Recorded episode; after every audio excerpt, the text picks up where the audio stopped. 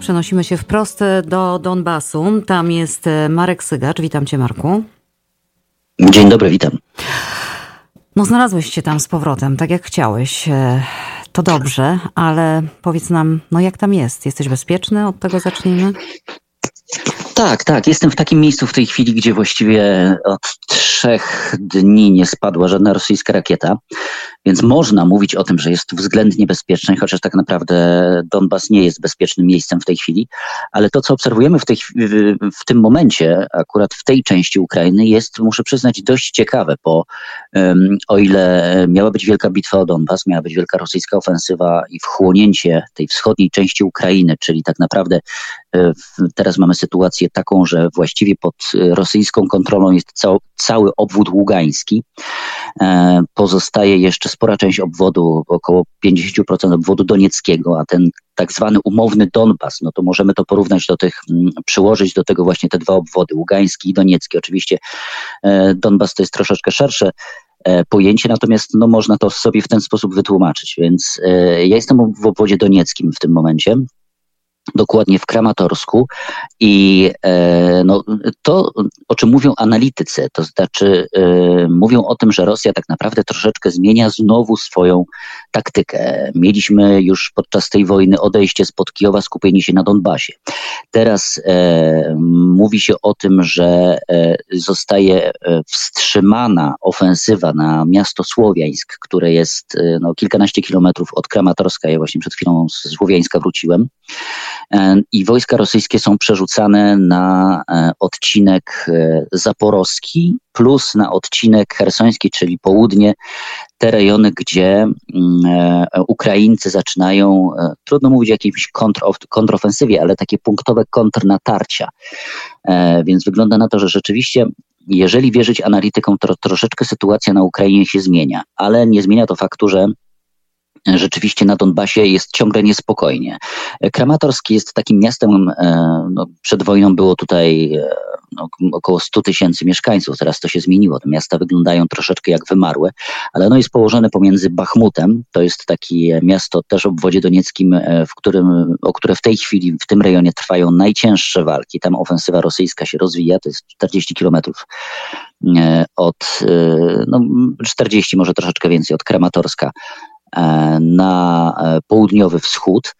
Mm, natomiast Bachmut cały czas stawia opór. Tam e, ukraińskie jednostki, żołnierze próbują nie dopuścić do tego, by to miasto zostało zajęte przez Rosjan. Na razie mi się to udaje, chociaż Chociaż trzeba przyznać, że ta ofensywa rosyjska takimi drobnymi krokami, mozolnie, bardzo mozolnie posuwa się do przodu, więc Bachmut jest, los Bachmutu jest niepewny. E, los Słowiańska, czyli tego miasta, w którym ja dzisiaj byłem, mm, Trudno powiedzieć, jak się potoczy sytuacja, bo jeżeli e, rzeczywiście rosyjska ofensywa zostanie zatrzymana, no to Słowiańsk pozostanie ukraiński. E, w tej chwili władze Ukrainy zarządziły taką obowiązkową ewakuację mieszkańców Donbasu, ponieważ tak naprawdę tutaj w tym rejonie e, nie ma za bardzo szans w miastach i możliwości, żeby przetrwać w jakichkolwiek komfortowych warunkach, jeżeli można mówić o komfortowych warunkach, zimę. To znaczy w Słowiańsku na przykład nie ma gazu, nie ma bieżącej wody, jest jeszcze elektryczność, ale no jest sierpień. Za dwa miesiące zrobi się zimno i rzeczywiście będzie problem. I w tej chwili władze już mówią oficjalnie o tym, że nie będzie ogrzewania nie będzie dostępu do wody, nie będzie gazu, więc e, jedyne co mogą w tym momencie zasugerować, to to, żeby opuścić opuścić Donbas. No i ta ewakuacja rzeczywiście ruszyła. Z miast organizowane są mm, autobusy, ponieważ tu już pociągi nie jeżdżą.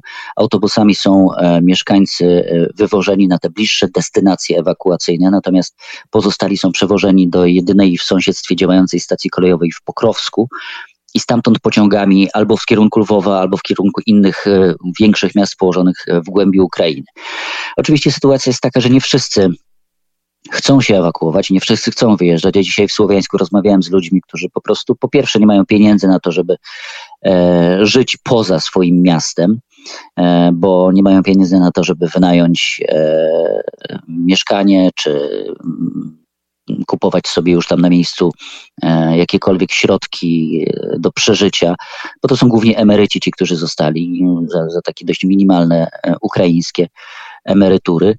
Mm, niektórzy się jeszcze wahają, niektórzy mają swoich bliskich e, i którzy walczą w okolicy i też chcą pozostać, a niektórzy po prostu czekają na Rosjan. I to też e, jest rzeczą jasną, e, że tacy ludzie są i liczą na to, może nie liczą, ale nie boją się tego, że Rosjanie wejdą bo mhm. będą mogli znaleźć sobie swoje miejsce.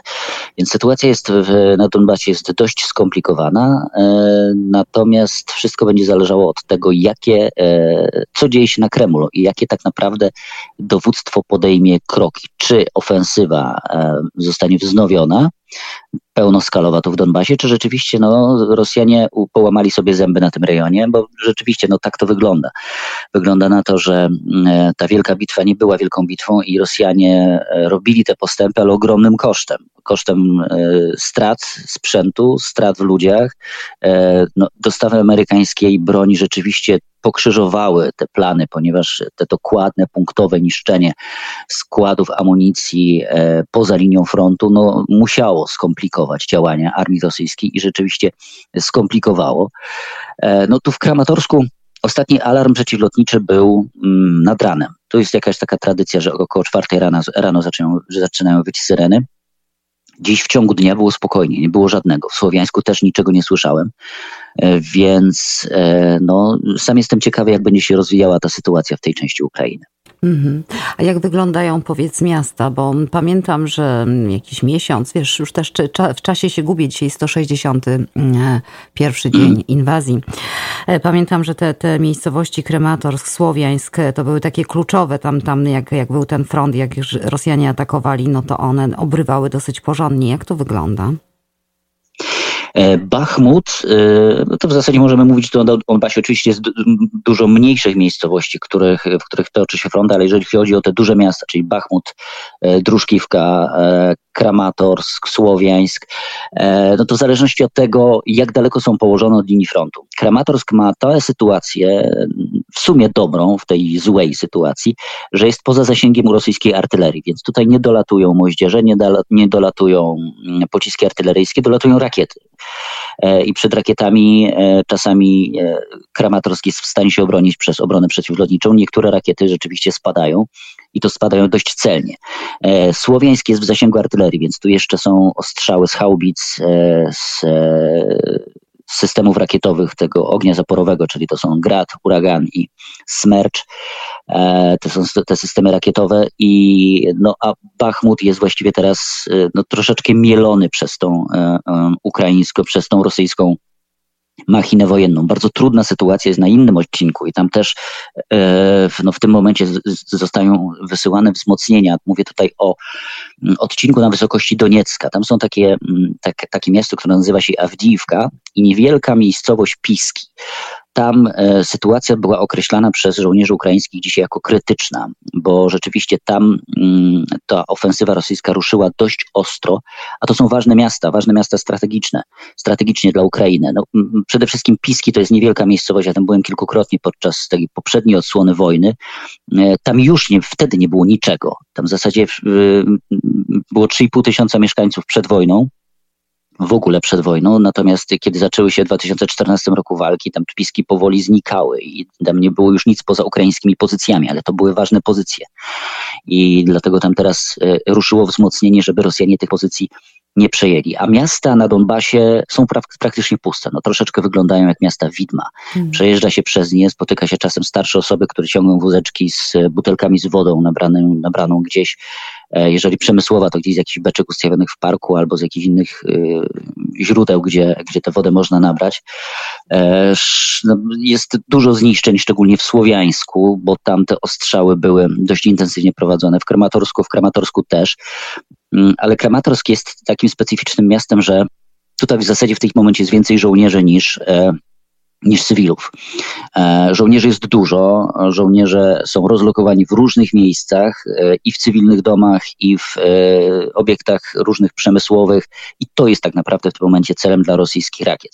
Ta ostatnia, która spadła tutaj na Kramatorsk kilka dni temu, to był dokładnie wymierzony cel w miejsce, gdzie stacjonowali ukraińscy żołnierze. Niestety nie obeszło się bez ofiar.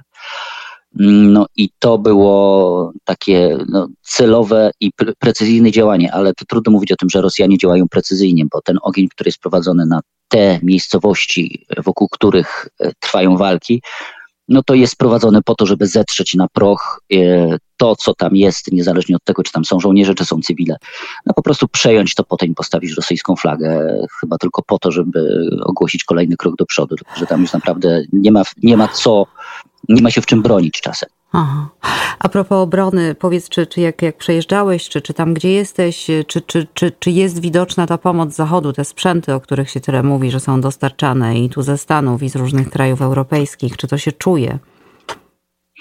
E, ja nie widziałem żadnej z tych broni, głównie przejeżdżającej. Ja nie byłem na linii frontu, natomiast nie widziałem żadnego sprzętu, który, o którym się mówi, a który przemieszcza się po drogach. Ale to trzeba też wziąć pod uwagę to, że, mm, że ta linia frontu ma 2,5 tysiąca kilometrów, a tego sprzęt, sprzętu jest stosunkowo niedużo i jest on mobilny. Tutaj biorąc pod uwagę charakterystykę na przykład Heimarsów, to to jest sprzęt, który przyjeżdża na miejsce, jest rozstawiany, oddaje salwę i zwija się natychmiast.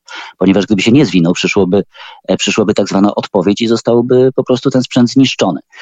Więc e, one są, one działają i efekty tego są widoczne w, w, tym chociażby, że właśnie te punktowe te ofensywy są, rosyjskie są hamowane.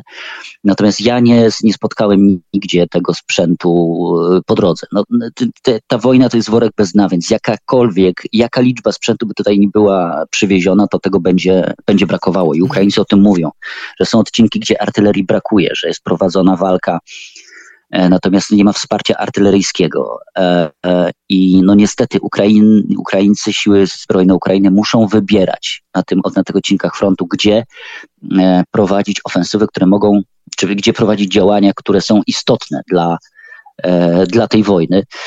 No a Rosjanie chyba zaczynają właśnie próbować wiem, może wiązać ukraińskie siły w jakichś innych punktach po to, żeby odciągnąć ich oddziałań w tych kluczowych e, miejscach. E, no, zobaczymy, jak się to będzie, e, jak to będzie wyglądało. Ukraiński wywiad zapowiada na połowę sierpnia pewien przełom w tej wojnie. Jak ten przełom ma wyglądać, to na razie jeszcze nie wiadomo. Ale no, sytuacja na Donbasie robi się ciekawa. Dużo gorsza sytuacja jest, jeżeli chodzi o intensywność ognia na południu. Tam Mikołajów, hmm. jest ostrzeliwany. To są te wrota do Odessy, e, no ale ostrzeliwany, ostrzeliwany jest głównie chyba po to, żeby e, przytrzymać te ukraińskie wojska, które od tamtej strony próbują e, odbić Hersoń, czyli to miasto w zasadzie jeden pełny obwód, który jest w tej chwili jedyny pełny obwód, który udało się, udaje się kontrolować Rosji. Marku, y, dzięki Ci za te relacje z pierwszej ręki, z samego Donbasu. Ty pojechałeś tam, bo piszesz książkę. Nie wiem, czy możesz już coś zdradzić, czy to jest wielka tajemnica na razie? Nie, nie myślę, że możemy, możemy już powiedzieć, bo jakby formalnie wszystko jest, wszystko jest dograne, kwestia jest zebrania materiałów, ale ja chciałbym, żeby to była książka nie opowiadająca tylko o tym, co się wydarzyło po 24 lutego, bo, e, no bo niestety panuje takie przekonanie, że wtedy się zaczęła wojna, wojna wojna zaczęła się dużo wcześniej i ja chciałbym właśnie to opisać, korzystając e, z tego, co przez lata przywoziłem z Ukrainy i przypomnieć i poukładać to wszystko w jakiś taki logiczny ciąg zdarzeń od aneksji Krymu aż do, no do tego miejsca, gdzie w tej chwili jestem. Mm-hmm. Mówiłeś o tym wielokrotnie na naszej antenie, podkreślałeś, że ta wojna nie zaczęła się w tej chwili, ona zaczęła się 7 lat temu, prawda, o ile dobrze pamiętam, kiedy właśnie nastąpiła aneksja Krymu. No to będziesz teraz tam siedział, mam nadzieję, będziesz się z nami łączył. Ja Ci życzę e, owocnych zbiorów. No i mam nadzieję, że do usłyszenia e, za tydzień. Bardzo dziękuję, do usłyszenia.